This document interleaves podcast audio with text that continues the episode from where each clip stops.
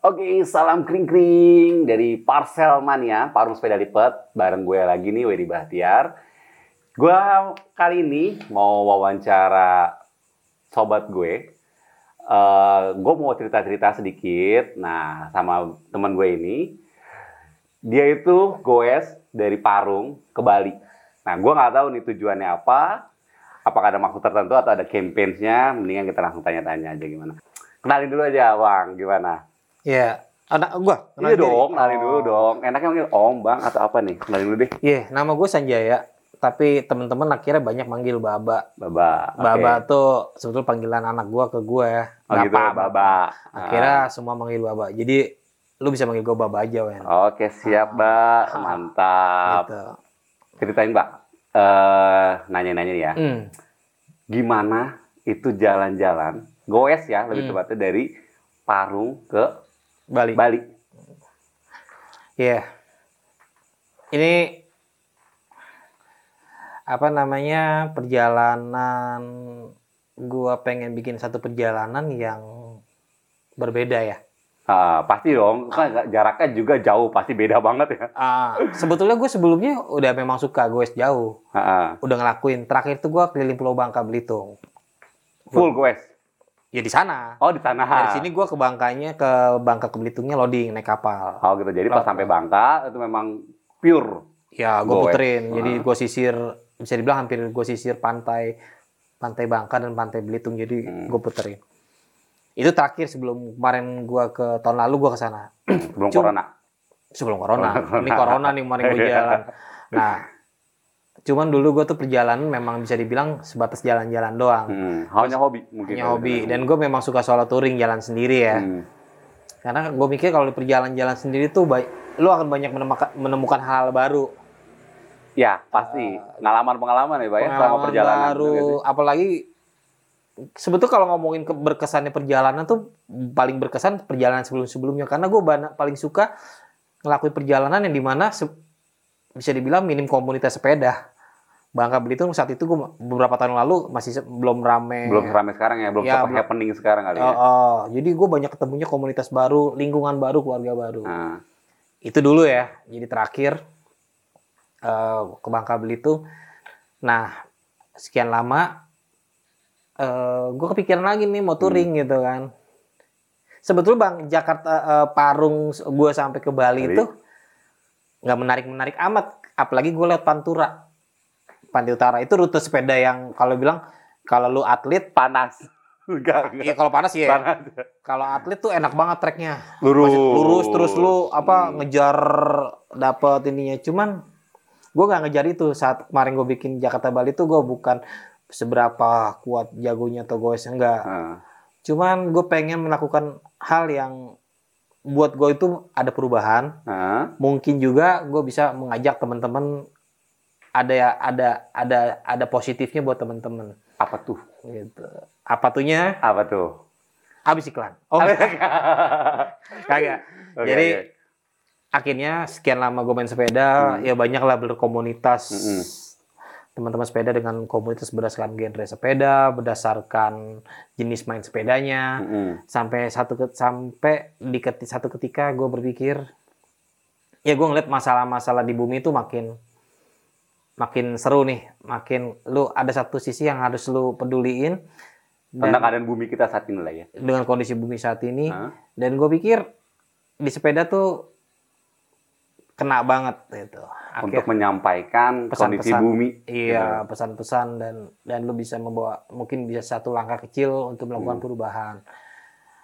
Ya kemarin gue bikin, gue anggap ini satu gerakan namanya goes Hmm. untuk bumi. Goesnya nggak pakai w ya, jadi goes aja itu. Goes, Goes ya. jadi Nah, Goes ya. Goes ya, itu kependekan sih. Hmm. Jadi go eco sustainability Oke. kayak gitu. Nah, goes untuk bumi. bumi itu nggak tahu ya, gue dengan kata bumi itu bener-bener pertama gue bawa gue udah bawa rezeki banyak, ada, ada rezeki di situ. Nama anak gue Hmm. Senandung Bumi. Nama siapa?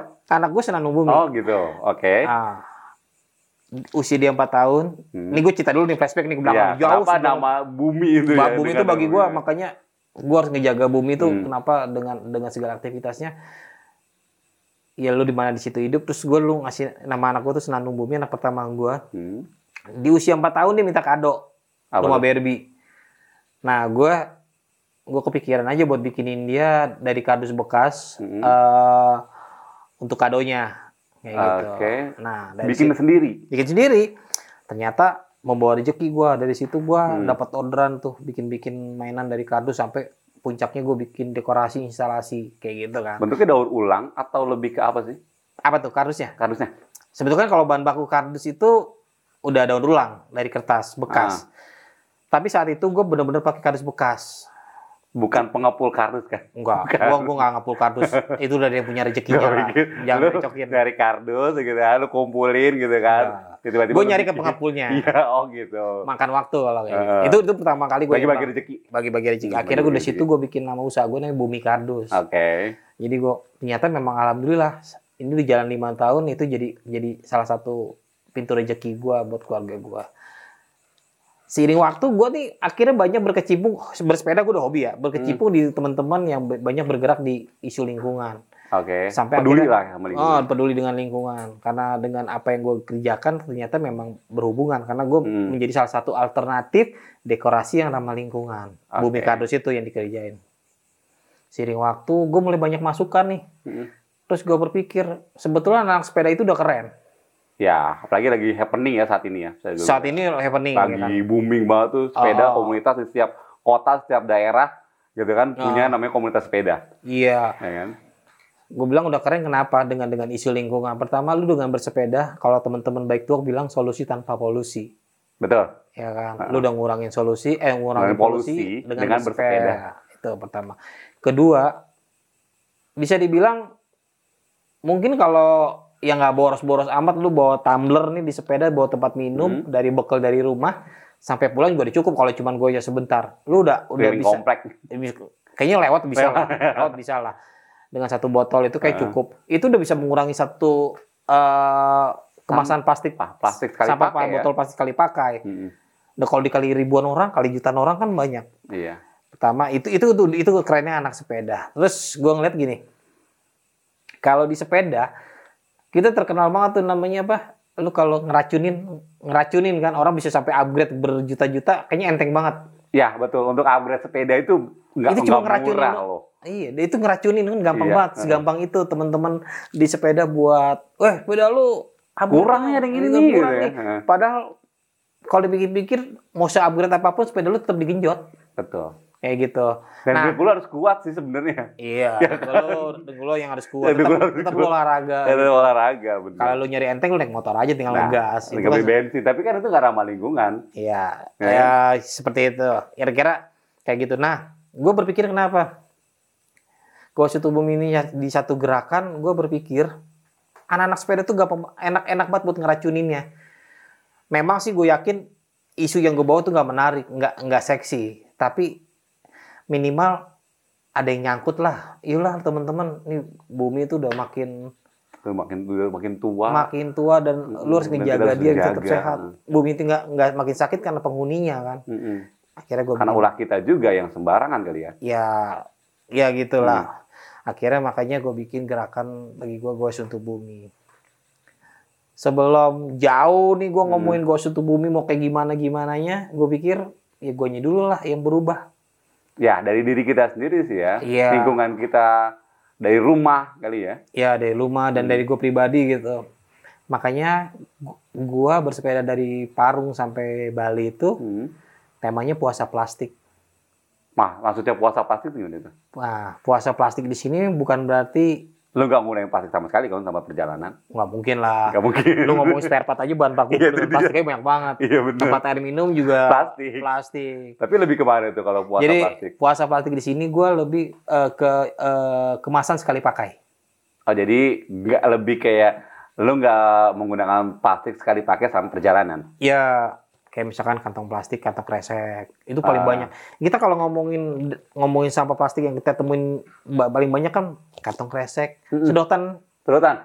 se- se- kebutuhan yang apa ya? Sedotan tuh dibilang lu kagak ada sedotan juga nggak Nggak tetap bisa minum. bisa bisa minum bener. Iya, tapi tetap eh, apa itu itu banyak banget tuh kan. Hmm. Terus sedotan tempat minum, tempat air minum, minuman sekali apa minuman kemasan, Iya, uh, air botol mineral kali ya. air botol mineral. Ah. Nah hal-hal yang seperti sama ini makanan kecil, Oh ya, snack snack. snack snack Ah. itu kan semuanya. Ya sebetulnya kalau gua dalam perjalanan akhirnya bisa dibilang dosa besar kalau gue masuk ke minimarket. Jadi Karena gini, kalau gue masuk ke minimarket se- semuanya hampir dikemas dengan plastik. plastik. Ya, Nah, jadi bisa nggak kalau gue tetap bisa survive nggak di jalan dengan tidak masuk ke itu? Heeh, gimana tuh? Ada tips-tipsnya gitu yang buat ya, dari nah, hal kecil kali ya? ya jadi ya akhirnya gue banyak mampir ke warung nasi. Hmm. Ya gue kalau makan ya makan di situ. Kalau mau jajan misalkan jajanan kan ada nih jalan. Hmm. Ya lu mau beli gorengan segala macam ya.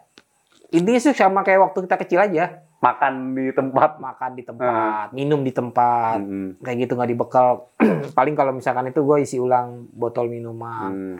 Jadi kayak gitu jadi gue lebih eh, bijak berplastik kalau gue nih pendapat gue kita ngomongin plastik sekarang kayaknya udah ketergantungannya udah parah Iya, kalau gue bisa bilang bahkan perabotan rumah tangga pun Plastik. kebanyakan plastik. kenapa kalau menurut lo kenapa banyak terutama kemasan ya Hmm. ya kalau lu baca ke minimarket kan semua makanan Di kemasan plastik dong. pakai plastik menurut lu kenapa Ya mungkin lebih efektif, lebih sederhana packagingnya atau gimana ya? Yang namanya semua dibungkus dengan plastik lebih aman, lebih kalau gue pikir ya mungkin gitu Ah. ya. Kayak makan makanan ringan kalau di plastik kan mungkin lebih tahan lama. kalau lu beli minuman kan kenapa lu berani buang botolnya Ya karena setelah dimin, airnya udah diminum, ya botolnya nggak nggak ada guna lagi dong. kalau botolnya lu beli minuman, Hmm. botolnya harus beli. Pasti lu balikin dong. Iya dong. Nah, itu. Iya. Kalau ya kalau menurut gue nih, Hmm. masalahnya plastik tuh murah banget.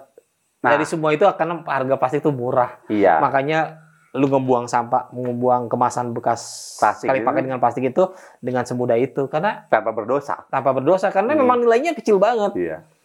Kayak gitu. Kalau gue sih ngeliat kayak gitu. Kenapa akhirnya plastik tuh jadi Suatu masalah besar ya. Jadi Hal suatu masalah kecil yang memang berdampak besar buat dalam ke depannya. besar. Nah, udah bicara plastik kan prosesnya panjang Iya. untuk untuk untuk terurai. Nah itu dia yang gue sering eh, baca gitu kan. Plastik Hmm. itu bisa bahkan sampai puluhan tahun ya. Enggak ratusan. Ratusan. Bohong banget kalau puluhan. Pernah pernah satu eh, saat trending itu Hmm. pernah ada bungkusan mie instan. Iya kan? Yang gue pikir itu tahun sebelum gue lahir kali. Iya, itu gila. udah kan? udah di dan memang tuh udah udah terombang ambing di laut. Iya. Dan bicara plastik semuanya pasti akan bicara sampah ya. Iya. Kalau lu rata-rata kan paling gampang buang sampah ke kali. Hmm. Kalau ngomongin kali hul- muaranya di mana?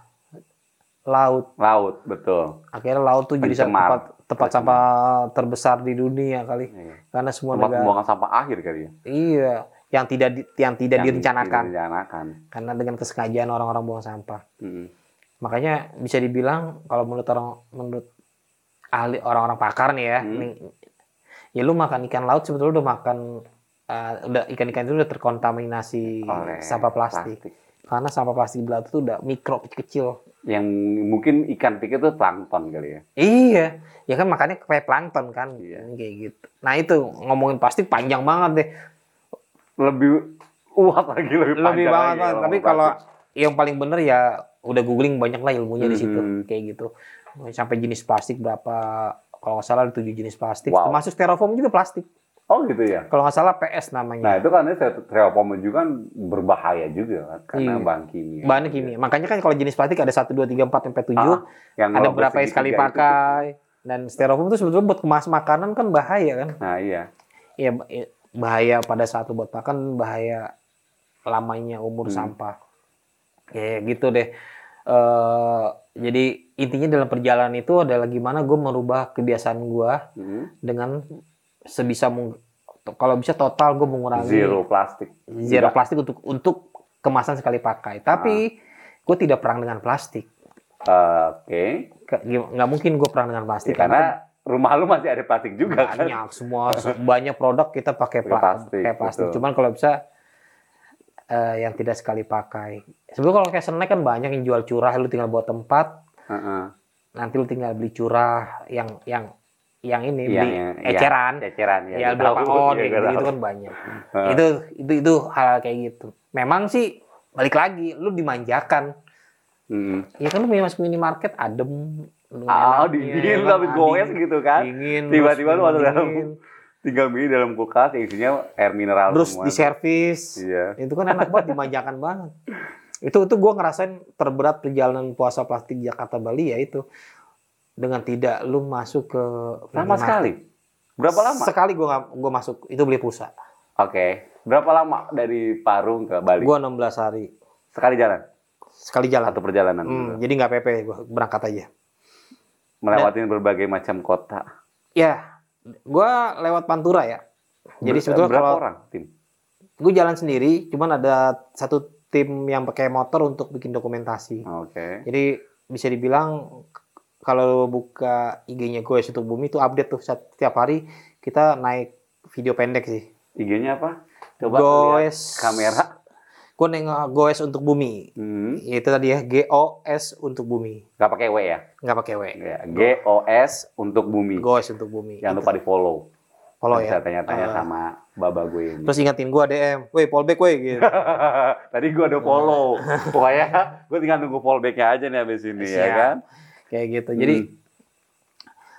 bersepedanya sih sebetulnya biasa aja. Heeh. nggak kan gue mungkin kalau dibandingkan orang-orang yang lain nggak istimewa banget tapi apa yang eh apa yang gue usahakan yang yang gue lakuin itu yang terberat adalah gimana gue bisa Nahan diri ya. nahan Untuk nahan diri nggak menggunakan nafsu nafsu lu aduh gila itu soda Hmm. ya kan Gak usah soda deh, lu ngelewatin tukang es nih, ya oh itu kan? gue mampir es kelapa gue mampir Bawa gelas sendiri nggak? Gue mau kan tanya mereka ada, gel- mereka ada gelas oh gelas gue bawa Oh gelas, bawa tapi kan mereka kan ada gelas kalau Oh gitu. iya, jadi Itu minum di tempat ya, bener. Iya, Iya, bener, minum bener. di tempat. Penting minum di tempat. Ada kan kalau es kelapa, gue sering mampir di es Hmm. kelapa. Eh, kalau es teh manis di warung nasi, gue minum es Iya. Akhirnya pilihannya kayak gitu-gitu. Dawet, paling. Dawet. Akhirnya lu balik lagi nih. Sebetulnya kan nih, sesederhana lu balik ke zaman orang tua kita. Berarti sebenarnya lebih ke ketika lo mengurangi eh, bukan zero plastik ya, lo mengurangi penggunaan plastik Minim sampah. minim mem- eh, pertama minim sampah, kedua jajanan lo jadi lebih sehat, bener gak sih? Jajanan lu lebih sehat, Heeh. lebih irit. Lebih Jajanan kamu lebih murah loh. Iya bener bener. Terus sama misalkan lu sosialisasi sama orang-orang. Heeh. Nah, maksudnya itu dah selama perjalanan campaign-nya dapet nggak sih? Bayangin Ah. 16 hari Parung Bali gitu loh. Campaign itu bonus sih. Campaign bonus Gini, lu satu hari, gua goes rata-rata 80 sampai 100 kilo satu hari. satu hari. Hmm. Capek dong. Bah, bukan lagi. capek kan maksudnya lu lu nggak akan punya waktu banyak juga untuk untuk sosialisasi weh gini lu ngumpul yuk sebetulnya gue hampir tiap malam ngumpul sama komunitas jadi ini gue cerita lagi sedikit Udah janjian sama komunitas komunitas daerah enggak? gue nggak bikin janji sama siapa-siapa tapi pa- persiapan untuk perjalanan ini gue gua minta support teman-teman Hmm. teman-teman dari komunitas sepeda dan teman-teman dari komunitas lingkungan di sepeda Hmm. tuh ya ada sepeda mini Indonesia ada IDFB di folding bike Hmm. terus MTB Federal Bike to Walk ini gue minta gua minta dukungan support dalam arti kata support ini adalah ya tadi Hmm. ini adalah campaign dengan gue menggandeng komunitas-komunitas besar ini harapannya adalah Mereka bisa support. support untuk uh, pesan gue tuh sampai Iya. ke teman-teman di sepeda karena kan dia mereka komunitas lah oh, ya. mereka kan punya komunitas yang besar Hmm. itu sampai walau uh, prakteknya sih gue di jalan akhirnya banyak kan ketemu di apa teman-teman sepeda mini minion Minion. minion karena memang kebetulan juga ya gue terlibat lah pada saat pertama awal kali uh, minion lahir Booming gitu. ya. Uh, lahir padahal boomingnya baru kemarin lahirnya mah udah Udah lama. dua tahun sih belum tolong lama amat akhirnya banyak kan sepeda mini tapi di Semarang gue nginep di eh, rumah sepeda Indonesia Bike to Walk Hmm. Semarang Jadi ada yang menampung lah ya selama perjalanan. alhamdulillah pak sampai akhirnya gue harus malah menghindar Karena saking banyak. capek capek iya eh, lu kan capek Mm-mm. lu setiap gue sore nyampe terus nanti kita mau ketemu teman-teman kan ngobrol kadang-kadang sampai jam 12 sampai jam 1 gue tadinya setting recovery hack pertama itu di Semarang Setting recovery-nya. setting pertama kali recovery di Semarang nggak kena tuh Baik. habis waktu gue akhirnya buat kumpul-kumpul ya Sharing pengalaman kali buat mereka ya. Gimana lu sharing perjalanan pengalaman lu, terus juga gitu mereka kan. juga kepo sama ini sama minion Jadi ngomongin Minion sebenarnya. Memulai dengan ngobrol minion, paling gue menyisipkan baru yang Campaigns-nya itu. campaign-nya. Gue secara nggak langsung menyampaikan. Menyampaikan. Gue nggak nggak nggak pengen ada kesan menggurui. Hmm. Woi, eh Lu nggak boleh pakai sampah Nggak, plastik nggak. nih gitu kan. nggak bisa. Kalau gue melarang berarti gue harus ngasih solusi. Gue kan nggak Iya. bukan gue bukan orang yang memberikan solusi. Solusinya adalah ya lu eh memulai aja. Jadi mulai dari diri kita agar orang orang lain tuh lihat ya Iya, sebenarnya. misalkan gampang nih, lu nongkrong nih kita ngopi Hmm. itu segala macem. Mereka beli minuman kemasan, gue bawa, bawa tumbler. Hmm, Kalau misalkan kita main nongkrong di mana di rumah atau apa kan gue tinggal minta isi ulang. betul. Itu kan udah udah bentuk dalam kampanye secara Heeh. secara. Pasti orang nanya, kenapa sih lu bawa, bawa, bawa, bawa tempat minum mulu gitu. Nah itu kan sederhana banget. Tapi Iya. emang lu harapannya nggak akan segitu banyak orang akan mau ngikut. Tapi Hmm, satu dua tuh ada aja yang nyangkut kok. iya. Gitu. Ya itu sih dari dari komunitas komunitas sepeda. Hmm, Terus juga ada komunitas-komunitas dari eh, lingkungan. lingkungan hidup lah. ya. terutama Get Plastic Get Plastic Foundation yang dari mm, Bali. Hmm, Jadi perjalanan gue itu start, gue nggak dari sini. Start gue gue dari sini ke Jakarta dulu, ke Jakarta Barat. Ada teman-teman Get Plastic dari Bali ini mereka melakukan perjalanan dari Bali ke Jakarta pakai mobil. dari Jaka, dari, Dari Bali, Bali, Jakarta Jakarta. naik mobil. Yang istimewanya adalah dia menggunakan bahan bakar dari sampah plastik. Serius? Serius, Jadi Gokil kan? sampah plastik itu bisa dijadikan bahan bakar, diolah menjadi bahan bakar. Nah, bahan bakar. Gue bukan itu kayak bahan. Dulu kan ada yang setahu gue yang bisa jadi bahan bakar itu kayak dari kotoran hewan ya, Gas, yang bisa jadi biogas. metan, Hmm. ya ya. Nah, kan gini, lo tau gak bahan baku plastik kapan? Ya, biji plastik. Biji plastik kan ada bahan bakunya, Gue nggak tahu, gue belum sampai situ sih. minyak bumi. Hah, serius? Iya. Oh. Makanya ya bisa jadi minyak bumi lagi. Nah, itu prosesnya hampir mirip kayak lu lihat di offshore. Nah, nama mesinnya mereka pirolisis. Oh. Jadi diolah sampah plastik ini mereka mau dia memasak nih sampah-sampah Hmm. plastik ini sebuah bahan bakar, mereka test drive. Bahasa mereka test test drive dari Bali ke Jakarta. Hmm. Karena rencana besarnya itu kan 2000 berarti 2020 rencana besar 2021 ini mereka akan melakukan ekspedisi Perjalanan lagi Indonesia Timur pakai mobil dengan bahan bakar dari si plastik itu. sampah plastik. Jadi nanti mereka melakukan edukasi. Kemarin gue melakukan edukasi. Hmm. Jadi mereka finish sampai Jakarta press conference, Hmm. gue berangkat Jadi tektokan ya sebenarnya. tektokan. Nah gue finishnya juga sama. Gue finishnya di base camp mereka. Jadi Bali nyampe Jakarta, lalu dari Parung nyampe Bali. Yoi. Ya kan? Uh, nah gue di Bali base finish di tempat mereka. Jadi nggak mungkin banget gue nggak punya tidak menghasilkan sampah betul-betul nol nggak mungkin. Nah, kira-kira eh, selama perjalanan nih, sampah lo tuh lu buang ke mana gitu? Nggak. Gue nggak gua nggak buang tapi gue bawa. Oke. Berapa banyak selama 16 hari? Berapa tank-tank, berapa banyak sampah yang lu bawa? Sampah Nggak banyak sih. Paling 0,4 kilo. nggak sampai setengah kilogram. Serius? Serius. Segitu? Dan bisa dibilang itu sampah yang nggak langsung ya. Kayak gini. Hmm. Gue minum es teh manis nih, gampang aja ke warung nasi apa apa. Hmm. Walaupun gue sering bilang, bu jangan pakai sedotan. Hmm. Tahu tuh sedotan nyemplung aja tuh di botol. Mereka udah Ya, kebiasaan. gampang nyedot udah ya. kebiasaan Iya. ya udahlah. Berarti Hmm. gue tanggung jawab gue bawa tuh sampah sedotan atau oh es, kayak minum beli es kelapa atau gitu. Ada juga yang ternyata dia nggak pakai gelas, pakai gelas Pakai plastik. plastik, bener. Itu gue bawa. Ya sekarang kan banyak banget tuh orang di eh, banyak banget warung-warung yang ogah nyuci gelas ya. Ah, Dia sederhana taruh cup-cup yang Ya, gitu, ah, sekali ah. pakai itu. itu gue Iya. itu gue bawa terus bekas ban cadangan kan plastik itu gue bawa masker Hmm. masker kan gue masker yang medis kan Sekali pakai.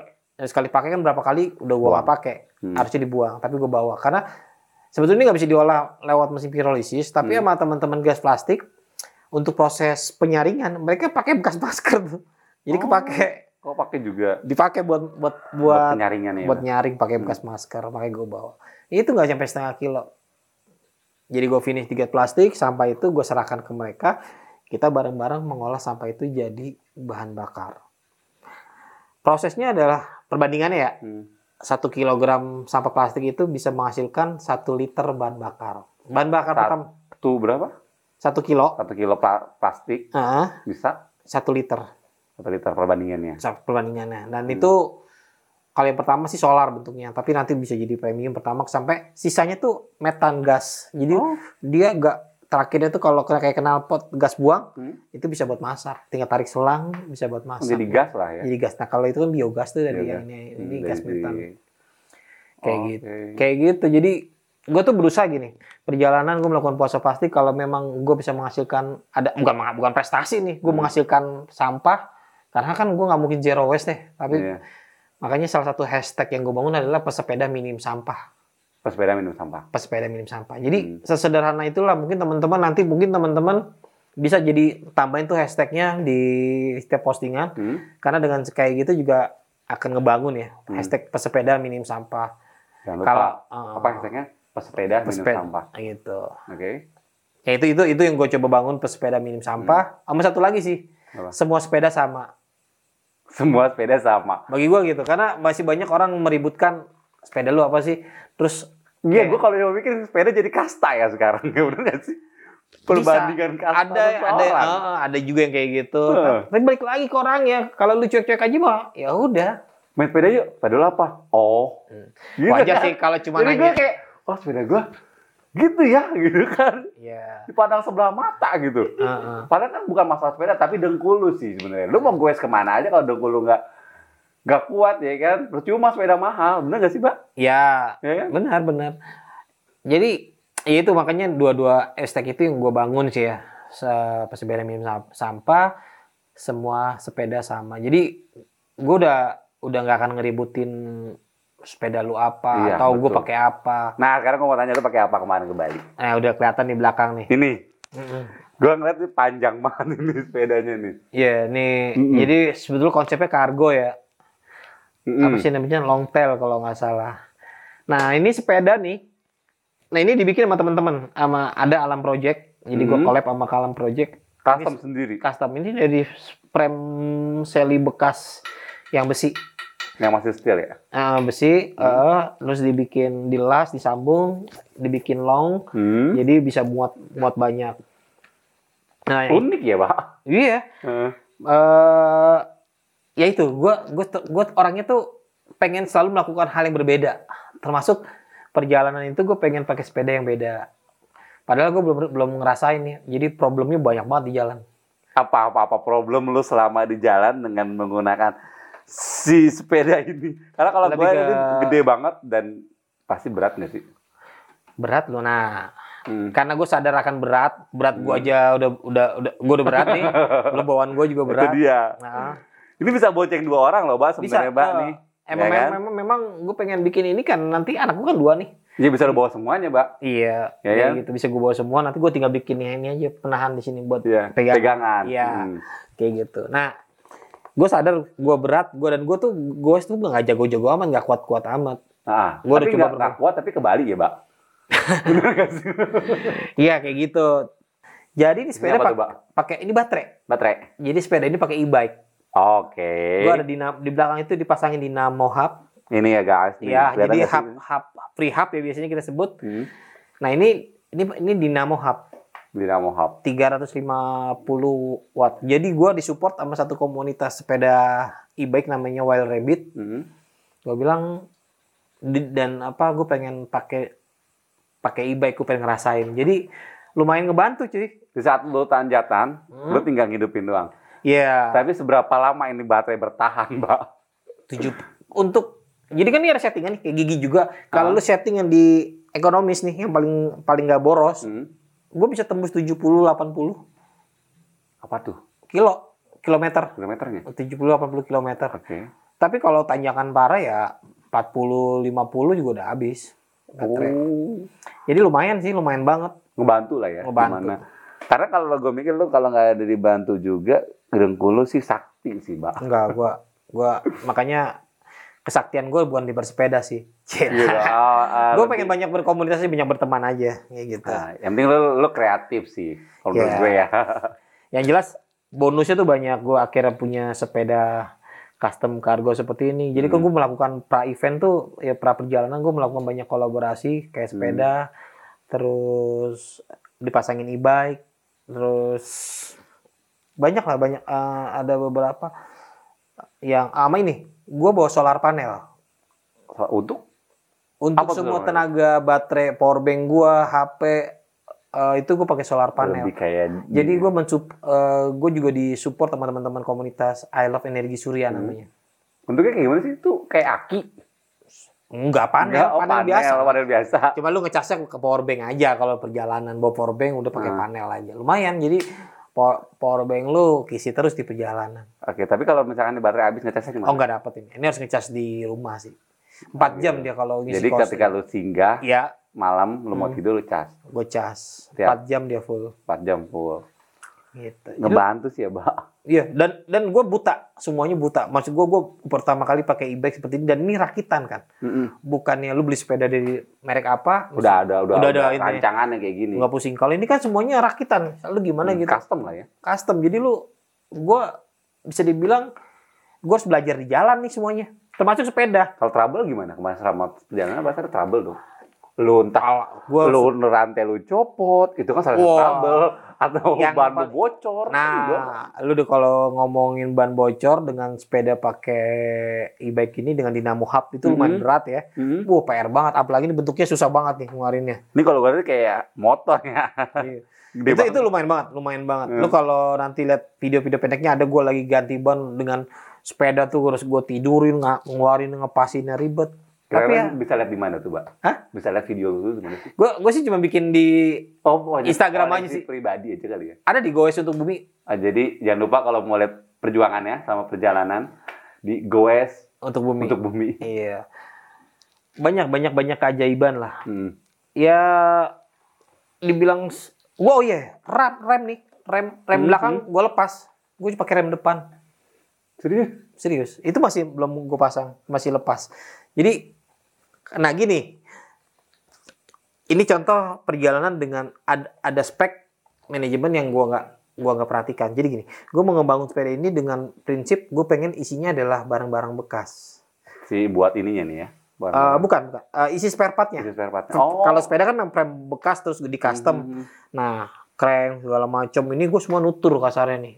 Oh. lu ada apa nih? Gue pakai lu ada apa nih? Gue pakai. Sumbangan lah ya, Mbak. Iya, kayaknya jarang, teman-teman. kalau nyumbang langsung susah deh, kas Iya. harus maksa deh lu minta di. Eh, gue minta lu punya apa Iya, yang pakai buat gue. Ini kayak rem gue pakai hidrolik nih, kiri Nah. depan sama belakang beda merek. Oh gitu. Iya. Nah, Iya di perjalanan ini ada satu spek yang gua lalai dengan devi apa de- detailingnya ya. Hmm. Jadi gue pakai ban bekas sepeda temen gua dari baru Hmm. karena gue berpikir itu ban dari baru copotan Hmm. ya udahlah orang dari baru harusnya nggak ada masalah nih Iya, masih bagus lah. masih ya. bagus Hmm. gue pakai nih botaknya bener-bener botak lu abis itu masih daerah situ bondo ban Bisa botak gitu. iya wah ini ban belakang bocor berkali-kali gua gua ngerasain bocor tuh sampai tujuh kali lebih kali Sama perjalanan selama perjalanan tapi akhirnya di situ bondo gua ganti ban belakang baru. Nah, nah, kan kan sering nih bocor di belakang. Hmm. Bongkar pasang ban wheelset ini kan Hmm. ribet. Ternyata setelan si kaliper itu nggak ngepas mulu, gesek. Kan jadi ngerem. Ya. Bete gua, Eh, copot. gua copot pakai rem rem depan, depan. aja. Kalau gue sih yakin, kalau gue punya keyakinan nih sepeda kalau gue rem depan nggak akan front flip. Biasanya kalau lu rem depan sepeda bisa kejengkang. Ah, bener. Nah, Kayak lu kayak ngangkat Ah. gitu ya, bener. Gue pernah flip. ngala- ngalamin tuh. iya. Untung nggak sampai jatuh sih. Kalau main trick itu front flip tuh. Iya. Oh. Nah, anggap aja front flip. Gue yakin nggak? Kenapa? Pertama sepeda ini sepeda panjang, long tail ke belakang. Berat ya. dan berat bebannya. Hmm. Jadi aman aja sih. Paling resiko kalau lu kenceng. Tapi gua nggak kenceng juga sih. Melintir ya kan. Berapa tuh speed? Gua nggak ada ini sih, nggak ada baca speed. Tapi pelan sih. Gua paling Nikmati di jalan 20. lah ya. Iya. Ikuti jalannya. Ritme bersepeda gua nggak sama aja kayak biasa. Oh. Kayak gitu. Itu rem gua lepas, headset sering oblak. Gua nggak ngerti masuk bengkel keluar masuk. Tapi tetap aja sampai sekarang nih Bisa oblak. masih oblak. Kayak gitu. Tapi unik sih Pak ini, Pak. Iya, nah ini ini ini bautnya eh co bukan copot sih emang gua punya frame. Ini nggak ada nih, ini gue nyari bekasan ya lumayan deg-degan Iya. juga tapi alhamdulillah nggak ada masalah. Iya jepitannya ini Ceritanya. ini apa eh, bukan aslinya, gue nemu aja. gue nekat banget sih emang. Jadi sebenarnya sepeda daur ulang nggak sih, Pak? Bener nggak sih, Pak? bisa Jadi sih. barang-barang yang emang yang udah Iya, gue pakai. gue pengen ke situ arahnya. Itu tuh yes. ban sih ya belum masalah. Jadi di etapa terakhir di etapa terakhir dari gua etapa terakhir tuh Gili Manuk, Gili Manuk Ubud ya. Jadi udah Hmm. nyebrang. Gua istirahat nginep itu bukan di Banyuwangi, tapi malam itu gua langsung nginep di Gili Manuk. Hmm. Gili Manuk gua nginep, besok paginya gua lanjutin ke Ubud. Itu trek itu kan lumayan jauh, Ubud kan 100 tinggi. Makanya gue lagi mikirin perjalanan 140-an ya. dari Ukut ke Ubud kan dia treknya nanjat ya, Mbak. Ya usah dipikirin. Ya sebenarnya tinggal usah dipikirin ya. Capek lu mikirin. Ja- eh, Lu- kalau lu mau coba ya lu jalan aja gitu biar lu karena tahu. di perjalanan biar dengkul aja yang mikir otakin dengkul karena lu genjot kan. gue sih baca map oh 140-an. Oke lah lumayan. Karena itu ter, uh, etapa terjauh perjalanan gua 140 dari dari Gili Manuk ke Ubud. ke Ubud. Eh, Lebih jauh ke ini kok ke Denpasar daripada ke Ubud. Parung Kalau Anyer tuh, Mbak. Parung 140-an. Anyer cepet kali ya. Emang cepet 140. 140. Iya. Iya. Buat yang udah pernah coba ke Anyer, 140 ke Anyer dari Parung. Ke Anyer ya. Oh gitu. Terus coba. Terus Tapi- coba. Pokoknya gue udah pernah gue coba. Tapi yang eh, sana nah itu udah Hmm. udah terjauh. Treknya Enak. rolling. Enak apa lu? Oh, bukan nggak sopan tuh Nggak sopan. Oh, nggak Itu sopan. treknya trek yang bener-bener nanjak. Anjing. gue bilang. Nah, ini hal yang kedua yang terbodoh yang gua yang gue bilang gue terbodoh adalah gue beli ban cuma ban belakang waktu di situ Bondo. Mm. Gue nggak pikirin ban depan. Iya. Ternyata sama kasusnya botak juga itu ban. Jadi di Ubud, eh, bukan sorry bukan di Ubud, di Gili Manuk, gue sadar-sadar daerah suka di daerah negara. Mm. Di sana susah wa eh, susah warung, susah bengkel sepeda. bengkel sepeda. Susah bengkel sepeda kan. Pas gue anjir, ban tuh so- kalau udah bolongnya udah gede segini kali nih. Ban bolong. Ban bolong udah. Udah tipis banget kali itu. Bukan tipis, udah, Udah ban dalam kelihatan. ban dalam udah kelihatan ngapain? Itu kalau ada kerikil agak tajam Eh, dikit tuh lah, batu. makanya yang bikin bocor tuh sepele banget. Iya, Ya, lu lu kerikil. ketemu nggak usah kerikil deh. Ada toothpick mangap gitu, iya Iya. kan? Lu ban lu udah, Tau udah lu? pecah. Gua kalin kan. Apa yang gua kalin? Apa? Gua kasih gua gak tabel pakai ban dalam, gua udah di dalam, gua tutup, sobek juga, sobek juga. Gua tuh nggak sam gua nggak finish. Jadi gua sampai di apa? Tabanan. Tabanan. Hmm. Tabanan jam 2 pagi. Itu gua paksain tuh. Jam 2 pagi gua masih maksain gua pelan-pelan. Itu ban benjol, tau gak lu? Ban karena bolong ban Nongol. luar, nongol. Jadi jalan duduk, duduk pelan ya. Padahal kalau kalau gue telepon teman-teman, gue dievak tuh. Cuma gue nggak tahu. Gue pengen di di alhamdulillahnya perjalanan gue apa namanya nggak ada nggak ada masalah lah. Hmm. Bisa dibilang sampai etapa terakhir. Lihat, gue pikir ya udahlah kayaknya etapa terakhir adalah di mana saat gue harus melawan ego gue, gue harus menikmati Mbak jam 2 pagi loh, Mbak. jam 2 pagi gue jam Lu 2 tadi pagi takut tinggal, takut dikejar anjing, Mbak. Di Bali banyak Bener, anjing. Mbak. anjing. Nah itu, Di Bali itu banyak anjing. bener Gak lu bener takut dikejar anjing gitu, Mbak? ya jiper jiper akhirnya ya udahlah gue nikmatin. Anjing ah, ngejar gue udah bisa ngebut. Iya. ban aja ban duduk ya udah gue nikmatin anjing. Tapi kan masalah mental nih. Sebetulnya kalau lu cuek aja sih anjing juga kayak cuma nyamperin doang. Emang udah di, udah di depan kaki nih anjing. Tapi yang bete tuh anjing tau gak lo Apa? ini balik hampir satu rumah satu anjing minimal tuh Bali ya itu banyak banget anjing, Mbak. minimal tuh Iya. ya Jam 2 pagi tuh anjing sedang nggak ramah-ramahnya, nggak sama sopan, sepeda tuh Mbak. gak ada sopan-sopannya Iya, kalau nggak mau ada motor sopan-sopannya tuh anjing. kalau mob- mobil motor dia kagak sopan, sama sepeda gue nggak tahu kenapa ya Iya. tau gak yang paling bete apa tuh sama anjing estafet cuy ini satu rumah Kelar udah nih. sampai batas tertentu Digonggong-gonggongin. nyambung gitu. lagi anjir kagak kelar kelar tapi gue gue gue pengen tahu pengen ngerasain juga ya kalau digigit anjing kayaknya nggak nyampe mati ya. gue mikir gitu doang Enggak bukan, Mbak. Maksudnya jadi lu disambut, Mbak, sama gonggongan mereka sih, Mbak. Bener gak, Mbak? Jadi tuh Tapi- jam 2 pagi tuh rame. dia dia nggak kagak ngegonggong doang tuh kali ngejar juga ngejar juga Perasaan lu gimana bawa sepeda berat dikejar. Iya, baterai gue udah habis tuh, Baterai jauh, jauh. Gue cuma dapat 40 kilo kalau nggak salah baterai gue. Jadi sisanya tuh bener-bener goes malam dan gue mikir ya udahlah. Padahal tabanan ke Ubud tuh 15 kilo lagi. Yang buat 15 kilo? Dan dengan treknya udah udah udah nggak berat. Hmm. Cuman ban depan udah nggak bisa. Gue udah Udah- mau Udah nggak nambel-nambel. bersahabat lah. Enggak emang udah nggak bisa gue tambel. Tip top abis, ban cadangan udah abis, udah nggak bisa. Partner lu ke mana, Mbak? Enggak, memang di etapa terakhir gue putusin dia tuh kan mau riset, dia juga ada kerjaan nih. Hmm. Gue gue sana ada kerjaan lagi. Hmm. Makanya gue punya deadline perjalanan nggak bisa nyantai. Dia punya pekerjaan ngeriset, dia kan bikin buku. Gue bilang pas di Gilimanuk, pas di Gilimanuk, yaudah lu langsung Karangasem aja karena dia Hmm, punya kerjaan. Pisah lah dari. Akhirnya lu Total solo gue harus solo total. Jadi gue nggak disupport dan gue memang pengen ngerasain perjalanan perjalanan sendiri. sendiri. Karena memang gue tipenya sebetulnya solo touring, Kalau touring, oke. nggak nggak nyaman gitu. Apa nggak terbiasa gue ternyata nggak nggak nyaman. Gue pengen ya, Bali itu biar gue nikmatin gitu. Hmm.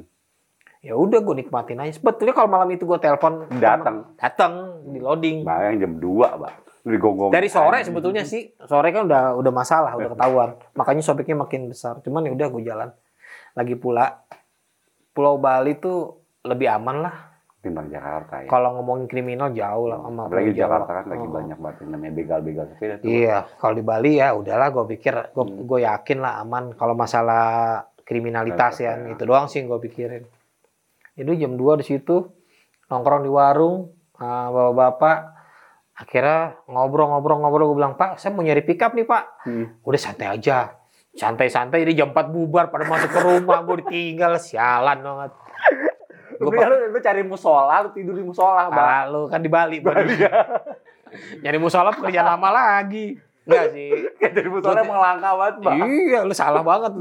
Tapi kondisi pandemi banyak banyak tempat ibadah menutup. Iya, benar. Ah, jadi gue juga hampir ya gue nggak nggak nggak nggak mampir ke tempat ibadah lah. Kita nggak tahu jangan sampai kita ini. Ganggu orang ibadah juga. ya. Bukan bukan ganggu, takutnya dengan kondisi corona kan. Iya, takut mereka. Takut. Jadi ya nggak juga sih gue nggak mampir ke situ. Ya gue nyebrang juga rapid dulu kan. Iya. Di Banyuwangi gue sebelum masuk Bali gue rapid. Harus dong, sekarang malu mau ke mana-mana rapid. Iya harus rapid. Nah udah. Ikuti protokol kesehatan dan saran pemerintah. Ya Iya. kan, Mbak?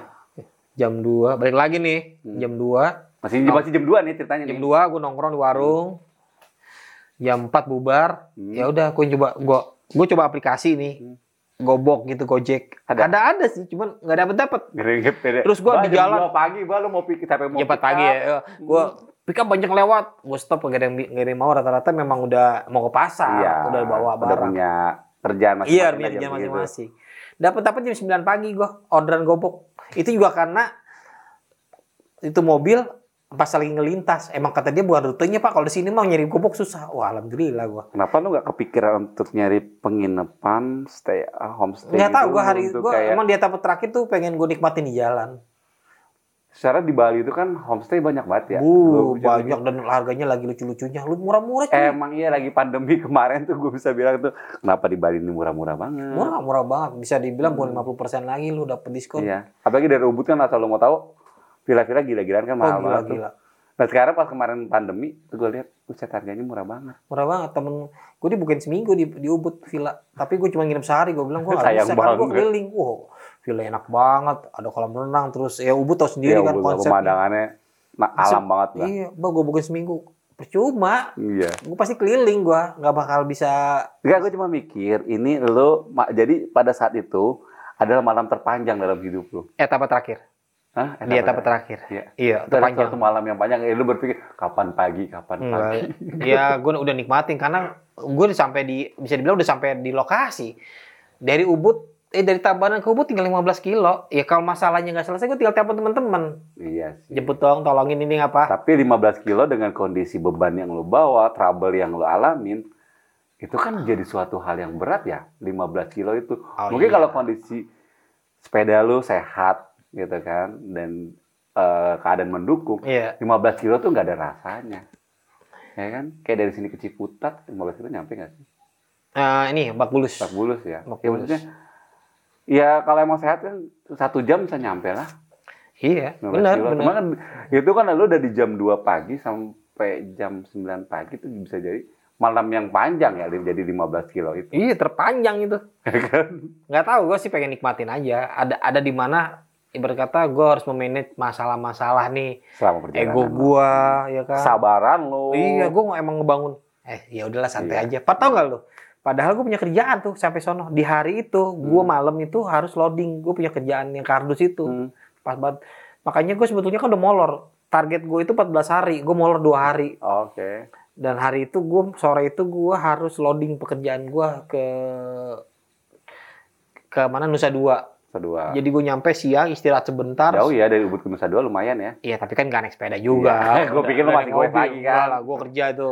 Gue pikir lu masih goes lagi dari dari Ubud ke Nusa Dua kan lumayan. Tapi Iya. turunan sih. Iya turun benar. Kan?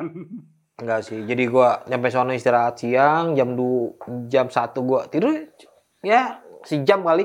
Karena jam 2 jam 3 gue ada live IG sama kok teman-teman dari Greener. Bali. Ya Greener tuh di Bandung base Oh, campnya. Bandung. Ah, teman-teman Greener ah, live IG. Udah sorenya habis itu gue langsung cabut ke Nusa Dua. Oh, Nusa Dua. Udah. Ya itu. Tapi keren, Mbak. Ya. Gue cuma bikin yang gue nanti dari tadi eh, obrolan kita jam 2 pagi, Mbak. Ya sebetulnya Jam sih 2 banyak. pagi, Mbak. Lu digonggongin anjing sampai pagi loh, Mbak. Sebetulnya Mbak, kalau ngomongin perjalanan sebelumnya sih gue nggak ngalamin ya lebih lucu itu ada gitu. Mm. Kalau yang sebelum ngomong ini, karena ngomongin Jakarta Bali ini udah relatif aman banget deh. Dan lu banyak temen nih, Ya, mapping, pasti. mapping, mapping teman-teman sepeda banyak. Banyak yang nyambut lo di setiap daerah. Ya, kan. lu tanpa direncanakan aja gue yakin akan ketemu teman sepeda yang akan ngebantu lu. Jadi kalau sebenarnya kalau cerita sama Baba ini nggak cukup waktu yang sebentar ya. Jadi gue sih sebenarnya se- terhipnotis sih sama ceritanya Baba nih. Kayak gue tuh pengen nyoba gitu. Coba lah coba. Nanti ya, Mbak. Kayak gue tadi gue belum siap sih. Apa masa? Menurut lu apa yang nggak siap? Hmm, gue pas sepeda baru, Mbak. Ya kan, dengkul gue kayaknya belum siap, Mbak. Enggak lah. Lu kan udah udah kanyer. Ya, Mbak. Iya sih kanyer, Mbak. Cuma kan cuma cuma satu hari perjalanan. Iya. Meskipun itu molor juga sih perjalanan gua. Karena kalau gue dulu eh perjalanan sebelumnya ya Hmm. nggak bisa gue tembus target 80 kilo sehari nggak bisa. Paling Hmm. banyak 60 70 karena kan kalau tanjangan-tanjangan tapi kalau pantura ini kan relatif flat. Heeh, sopan. Jadi ya, sopan lah. Hmm, Mau makanya gue berani tuh targetin 80 100. sopan. Berarti kalau lu ke puncak, Mang Ade nggak sopan ya? Nggak sopan. Apalagi Gue bawa Mang Ade baru sampai Cipayung gue. Iya, apalagi lu bawa ini ya, Mbak nih. Nggak sopan lo ya. Ya gue nggak tahu nih kalau pakai e-bike gue eh, kayaknya sih gue isi ulang ngecas dulu di Hmm. daerah Cipayung. Iya, digadong. Ya gadok dah, Digadong. gadok. Lu ngecas ngecas dulu Ngecas dah dulu ya. dah. Hmm. Kayak gitu. Gitu deh. Tapi seru sih, Mbak.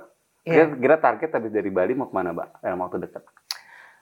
nggak deket sih jauh sih kalau goes goes aja sih ya gue tetap goes tapi kalau rencana gue gue tuh kan pas selalu merencanakan perjalanan panjang ya long distance gitu Hmm. pengennya sih ke ya pastilah kebanyakan kayak peturing pengen buat ke Aceh ya karena 0 km Lebih jauh ya, Mbak. Banget 3000 Mbak, lebih jauh, Mbak. kalau ham- hampir dua kali lebih dari dua kali lipatnya Jakarta Bali Pesawat aja 3 jam, 4 jam ya. nggak tahu Jakarta. gue belum naik pesawat Tapi gue cuma mikir saya Aceh dan apalagi lu ngelewatin trek eh, Sumatera ya. Iya ya katanya Sumatera yang rawan gua rawan banget masih banyak bajing loncat. iya Cuman ya nyari lu cuman kayaknya masih ada nggak sih mau begal sepeda lu di jalur Sumatera? Kalau pengalaman teman-teman bukan sepeda yang dibegal, tapi Harta orang. benda lu. Iya, Hmm. biasanya sih di kompas lah bahasanya. Cih, Iya. kompas, kompas tuh bahasa dulu ya. Dulu ketika lu Di pakai di seragam putih iya. abu-abu di Iya. kompas tuh sama Di kompas STM. sama naik mana lo. ya gitu. Hmm, Dulu anak Sumatera Hmm. dari Padang ke Jaka ke Sumatera ke Jawa lah ya. Gue inget si Afif itu di Lampung kena Iya, Kompas. itu masih masih di sini Lampung masih di, masih jauh. kok. rawan dari situ. Iya. Ini rawannya kan Oh, Lampung Bengkulu. Lintas Sumatera ya. Lampung Bengkulu Sumatera Selatan tuh Hmm. banyak titik-titik rawan. Hmm. Itu anak Sumatera cuy. Tapi dia kena. Hah? Tapi Kena. dia Eh, anak pulaunya sendiri. ya. Anak pulaunya Iya. sendiri. Udah mau ngaku orang Pad orang Padang nggak nggak akan Nggak ngaruh. di kompas habis. Ya nggak habis sih HP sama do sama duit sih. Iya, tapi kan HP-nya juga lumayan, Mbak. Ini lumayan. Dia nggak bisa ngomongin keluarganya dong, Mbak. Ya Ya kan? kayak gitu sih kalau apa touring. Ya kalau kita ngomongin touring proses sih. Paling jauh Aceh tapi, Mbak. Ya Eh, paling jauh Aceh. Sorry, paling jauh Bali kemarin. Bali sih. Paling Cuman jauh. sebetulnya kalau gue sih bilang kalau bicara dari sisi touringnya sih nggak istimewa. Bagi gue sih biasa aja sih. Hmm, tapi yang penting campaign-nya harus dapet lah ya. Ya, Kalau- yang pasti ternyata gue mampu lah melakukan Hmm. puasa plastik. Bagi gue itu prestasi gue sih. Iya. Gue bisa tak nahan nafsu untuk tidak mampir minimarket kayak gitu. Itu tuh gue bagi gue prestasi tuh gue. Ya seru sih. Jadi gue cuma pikir ya semoga perjalanan lo dengan lo ketemu berbagai macam komunitas ya semoga bisa mereka juga bisa ikut jejak lo gitu Ya kan. itu. Bisa lebih cinta sama lingkungan, eh, bisa lebih apa ya mengurangi sampah plastik karena yang kita tahu kan sampah plastik itu salah satu eh, apa ya eh, yang bikin bumi ini semakin apa ya? Iya karena ya? si sampahnya terurai lama banget. Iya kan Padahal kalau ngomongin banyaknya sampah, paling banyak sampah sampah sampah makanan, rumah tangga ya. rumah tangga, Kayak makanan. makanan-makanan sisa lo Iya, gitu kan. karena makanan sisa segala macam Sayur-sayuran itu paling banyak. sama dapur. Cuman karena udah tercampur ya Tapi kan mereka dia bukan gampang terurai ya sampah. gampang terurai. Tapi kalau udah jadi satu di TPA, Iya udah susah. Jadi gunung ya. Nah, aromanya juga enak. Balik lagi sih itu itu bicara habit sih ya. Habisnya Makanya dulu gampangnya gini, dulu zaman siapa Jonan ya, Menteri Perhubungan, Hmm. orang mengsangsikan orang bisa merubah kebiasaan naik kereta api. Hmm, Sekarang udah rapi, udah enak lo bayangin. Coba kalau dulu nggak orang ada. butuh proses panjang. Makanya gue tetap punya keyakinan kita bisa kok berubah. Tapi Asal memang ada lu kemauan. ada kemauan Hmm. dan lu jangan jangan patah arang nih di tengah jalan. Iya. Dan apalagi kalau gue lihat sekarang eh, di era gue gue sih termasuk salah satu pesepeda baru ya yang menjadi hobi baru gue saat ini. Kayak orang tuh banyak banget sih sekarang yang kalau lo lihat tiap weekend Sabtu Minggu itu orang banyak banget yang bersepeda. Bahkan kalau gue bisa lihat banyak banget tuh yang juga yang pesepeda dari eh, Jakarta ke Bogor Hmm. gitu kan. Itu kayak udah biasa aja gitu. Nggak kayak dulu ya. Mungkin itu jadi hobi baru. Bukan buat gua juga, tapi buat semua orang gitu ya selama pandemi ini. Hmm. Bener nggak sih, Pak? Benar. Iya. Dan bagi gua walaupun musiman ya Hmm. kasarnya, oh pandemi nih pandemi bersepeda, tetap kita lihatnya positif lah. Iya. Dengan walaupun nanti dari dengan sekian banyaknya nggak semuanya akan melanjutkan, tapi kan pasti grafiknya nambah. Betul. Orang yang bersepeda nambah. Dan itu positifnya adalah tantangan tuh kalau gue perhatiin dia akan lihat lingkungan nih. Wah ada yang bersepeda ke kantor, gue pengen ikut. Udah, gue sih sederhananya Hmm. orang Latah ya, Mbak ya? latah yang positif. Iya, latah yang positif. Latah yang positif. Gue juga dulu kan bersepeda. Maksudnya setelah ke sini ya, Hmm. rata orang-orang kalau main sepeda, dari kecil gue main sepeda. Gue pertama kali kan tertarik pengen naik sepeda ke kantor. Gue liat baik tua pertama kali baru memulai, gue pengen Hmm. buat gabung nih. Back to work ya. Iya, dulu tuh forum itu sepedaku.com. eh, masih zaman Friendster, belum Facebookan. Oh, udah lama banget, Mbak. Iya. Kayak gue belum lahir. Enggak lah, udah kali. Iya, udah ya. Zaman masih Friendster. Oh, Jadi eh, apa eh, di sepeda eh, forumnya tuh sepedaku tuh sepedaku.com. Hmm. Nah, gue nyari sepeda di situ. Itu pertama kali. Dan gue tertarik banget pengen baik apa naik Baik, sepeda. naik sepeda dari rumah ke kantor. Iya. Ya karena kan yang selain eh, itu kan bisa apa ya itu hobi yang memang positif ya secara lu bisa sehat gitu kan berolahraga dari bersepeda tersebut gitu kan jadi ya itu gue lihat sama pandemi ini ya komunitas-komunitas sepeda tuh banyak Iya. gitu kan di setiap daerah mungkin bahkan ada satu komplek yang memang Iya. hobi bersepeda akhirnya dibikin satu komunitas untuk kompleknya dia gitu kan Hmm, benar.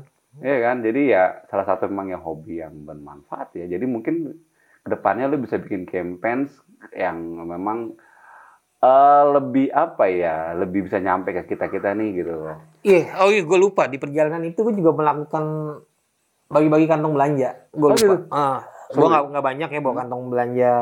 Jadi salah satu isunya kan orang kalau belanja tuh selalu pakai kantong plastik kresek kan. Hmm. Nah gue bawa kantong belanja yang tidak sekali pakai. Gua movementnya tuh kemarin di Semarang sama di Tegal sama Hmm. teman-teman komunitas kita perjalanan gue mampir bagi-bagi gitu. Berarti ada yang sponsori juga ya, Pak ya. Biar Pribadi gue, Oh, pribadi. pribadi. Widih. Keren gue ya. Keren ya. Wih, Itu desain sendiri. Hah? Desain sendiri. Enggak beli jadi aja Beli yang banyak jual. Orang gue nyablonnya aja di sini pakai pilok. Gue pikir lu desain sendiri Enggak, ya. kantong belanja biasa. Lu bikin Karena karung goni gitu. Itu spontan gue pas Hamin 2 Hmm. gue bilang sama teman-teman bantuin gue dong gue mau beli kantong belanja nanti kita pilok aja bikin tulisan kita bagi-bagi Sama Enggak, ke Bali, bahan parasit oh gitu. Sama ke Bali apa yang lu bawa nih? Banyak banget nggak, Pak? Banyak Nggak, dan lu makin mungkin dan bawa- makin banyak Dan lu nggak boleh bawa kasur kan? enggak lah Nggak, bawa. cover alat-alat camping sih sebetulnya sebetulnya sih lebay sih karena ternyata nggak kepake juga Dan lu banyak yang nambung kan sebenarnya. bener Iya. gua nggak sampai camping segala macem itu Tuh. Oke, Mbak. Mungkin lo mau promosiin tentang eh, goes untuk bumi dan satu lagi apa? bumi kardus Bumi kardus. Lu bisa Oke. silakan promosiin biar orang-orang tahu nih, biar dapet sisi positifnya juga dari goes untuk bumi ini. kalau gue untuk bumi sendiri sih ini gerakan lah ya. Mm. Jadi sebetulnya ya gue ngebangun salah satu hashtagnya yaitu pesepeda minim sampah. Mm. Siapa pun komunitas lu, lu cuma main di komplek atau apa pun, gue yakin eh, teman-teman sepeda tuh bisa jadi apa sih agen, agen-agen perubahan, Influencer, influencer, dadakan. influencer ya kan? Hmm, influencer dadakan. Ya kayak gue bilang tadi, kita nongkrong berapa orang nih di sini 4 5 orang ternyata Hmm. dari, dari 2 3-nya kebiasaan bawa, bawa tempat botol minum terus nongkrong Hmm. lalu ngisi minum. Orang pasti ada yang kepo tuh. Hmm. Kalau buat buat minum ya kayaknya gua nggak perlu beli nambah Iya, sampah lah betul. sederhana itu. Itu kan influencer yang sederhana. Hmm. Atau lu beli minuman gua nggak usah pakai sedotan. Iya, Dimulai yang dari kecil-kecil kayak gitu aja. Dan hashtag itu kan sekarang kepake banget. pakai lu tinggal Iya. masukin hashtag informasi yang lu dapat banyak banget di situ. Betul. Nah makanya paling gue cuman kalau ditanya lu promonya apa nih? Hmm. Yuk kita rame-ramein hashtag pesepeda minim sampah dan Hmm. semua sepeda sama hashtagnya. Karena pertama isu sepeda ini tuh mengkotak-kotak tuh banyak banget. Betul dari Bagi- brand, merek. Nggak ada masalah sih sebetulnya. Nggak ada masalah ya. apa. Lu lu kemampuan lu kan. kemampuan lu. Ah, lu ah. bisa beli ya silakan. Iya, Gitu tapi sama sih sebetulnya ada dua sisi. Mungkin yang ada yang oknum yang tajir norak dengan sepedanya, nggak Mm-mm. masalah juga. Cuman yang miskin, mas sorry nih, yang punya sepeda biasa juga jangan norak juga. Ah dia pakai sepeda bagus, ya lu Jangan jangan, jiper. Nah, jangan jiper. Tujuan lu maju tuh. olahraga ya Nah, kan? Tujuan lu iya. olahraga bukannya Gitu. mau pamer sepeda sih ya. Mm-mm. Jadi Gitu. Sama aja udah. Bannya mesti kalau kalau kecuali lu udah sanggup pakai ban kotak, Iya. lu boleh ngomong sombong deh. Gue lagi bikin ban kotak, Pak. eh. Kayak gitu sih, paling gitu. Ya Hmm. kalau bumi kardus itu sih emang kendaraan hidup gua. Hmm, gitu jadi di, di, di Bumi Kardus ini gue berkem, berkampanye gimana dekorasi yang ramah lingkungan hashtagnya itu dekorasi ramah lingkungan jadi Bahan daur ulang lah. badan ulang jadi ya gue pakai kardus sebagai dekorasi untuk yang ramah lingkungan karena sih balik lagi bahan baku kardus sendiri adalah limbah-limbah kertas Ya, gitu. asal muasal kan dari si pohon juga kan. dari pohon Jadi nah, kan ketimbang kita nebang lagi, nambah. nebang lagi ya bahan-bahan kardus yang nggak pakai bisa kita daur ulang untuk jadi suatu hal yang bermanfaat benar gak? betul gitu Tuh, jadi mulai sekarang jaga bumi kita Mm-mm. gitu. saya pilih bumi Saya pilih bumi. Anaknya namanya bumi memang. saya pilih bumi juga ada Oh, gitu Eh, ada? ada ada komunikasi ada komunitasnya juga Gerak- namanya saya pilih bumi. ada oh, lihat. Oh iya. Nah, ada gerakannya juga. Gue dulu bareng-bareng sama teman-teman ada di sini saya pilih bumi. Nah ini Oke. sih media sih. Media. Jadi di situ banyak ketemu teman-teman komunitas Oke. kayak gitu. Mungkin ada pesan-pesan lagi, Mbak, sebelum gua tutup kayaknya kalau gua eh, Gue kayak terusin gua Nggak kalau gua kelar. iya kalau gua terusin sih nggak kelar semalaman ini sih, Mbak, karena gua Iya, dengar Lu ganggu gua lu. Iya, lu kok mau tidur juga kan? Iya. Jadi mendingan lo lo kasih apa ya sedikit masukan untuk gimana cara kita bersepeda eh, yang baik, yang memang nggak ngerusak lingkungan dengan lu bersepeda, eh, lu dapat olahraganya dan bumi tetap sehat itu doang sih. Kalau ngomongin bersepeda yang baik, ya, ya pasti lu berteman dulu sama pesepeda-pesepeda yang baik. Wah sepeda lu jelek banget, sepeda lu murah. Itu sara itu. Itu Sarah ya. Itu masuk sara tuh. Kalau di sepeda sara tuh. Iya, baik. Kayak gitu. Sip lah gitu. Sip. Well, thank you, Mbak, untuk Oke. malam ini. Pokoknya seru banget. Mungkin nanti di belakang layar gue akan nanya-nanya lagi. Tapi kayaknya waktunya udah nggak cukup ya kalau Kalau di belakang layar nanya bayar. Iya. Ya udah, itu nggak jadi nanya. Iya. Gue kepoin aja. Nyari lu nyari ini aja narasumber yang lain aja. betul. Abis ini, pokoknya pantengin aja eh, channel dari kita harus beda lipat